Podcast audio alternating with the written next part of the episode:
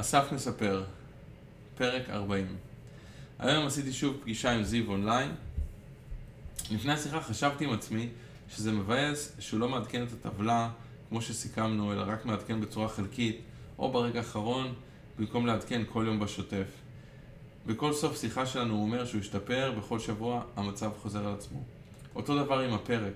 אני אומר לו, תשלח יום לפני הפגישה שלנו את הפרק שרשמת, ולא חצי שעה לפני הפגישה. זה מרגיש ברגע האחרון מדי, וזה הרגל שעדיף להיפטר ממנו בכל התחומים.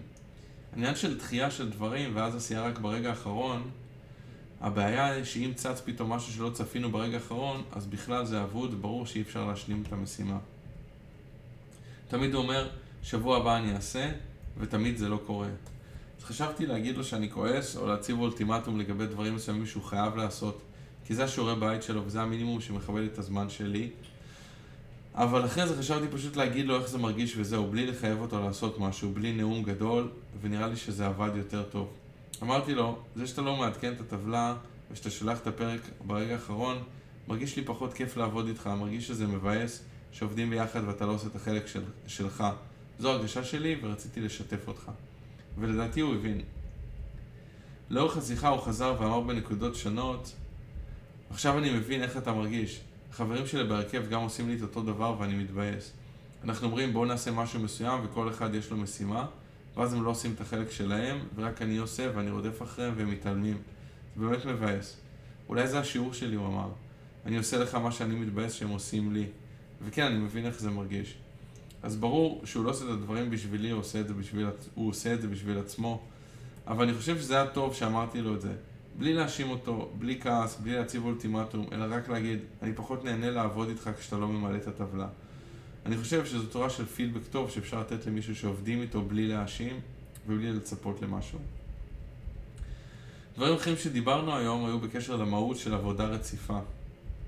זיו אומר שהוא והרכב עובדים על לעשות יחסי ציבור אונליין לקראת היציאה של האלבום שלהם. הסברתי לזיו שהרכב צריך לפרסם פוסטים ותכנים אונליין כל השנה, לא רק לפני שיוצא להם האלבום. זה כמו מישהו שמתאמן לתחרות מר עולם. הוא לא יכול להתאמן רק חודש לפני התחרות, אלא צריך להיות גם בכושר גם בשגרה, ולפני התחרות כמובן לתת עוד פוש ענק.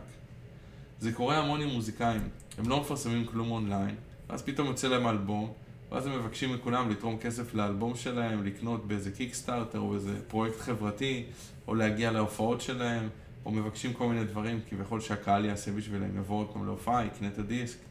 תכלס צריך להיות בקשר עם הלקוחות שלכם כל השנה.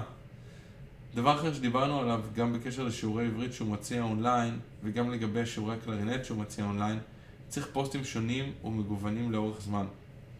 שלושה פוסטים בשבוע במשך שנה כדי לבנות, סליחה, שלושה פוסטים בשבוע במשך שנה כדי לבנות נוכחות, זה רעיון טוב למשל.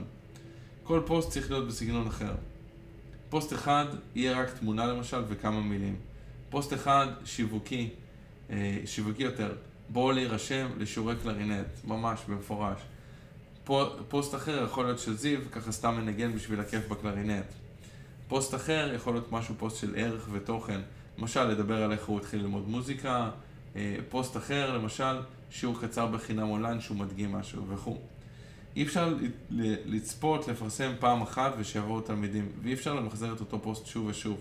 זה משהו שבונים לטווח ארוך וצריך להיות מגוון. ככה בכל דבר, תיקחו את התחום שלכם ותהיו פעילים בו בקביעות. תעשו פוסטים, תנו עדכונים, תעשו סדנאות, אה, תיצרו מאמרים, וידאוים, תנו תוכן, תנו ערך, תהיו בתודעה של אנשים באופן קבוע וככה התוצאות יבואו.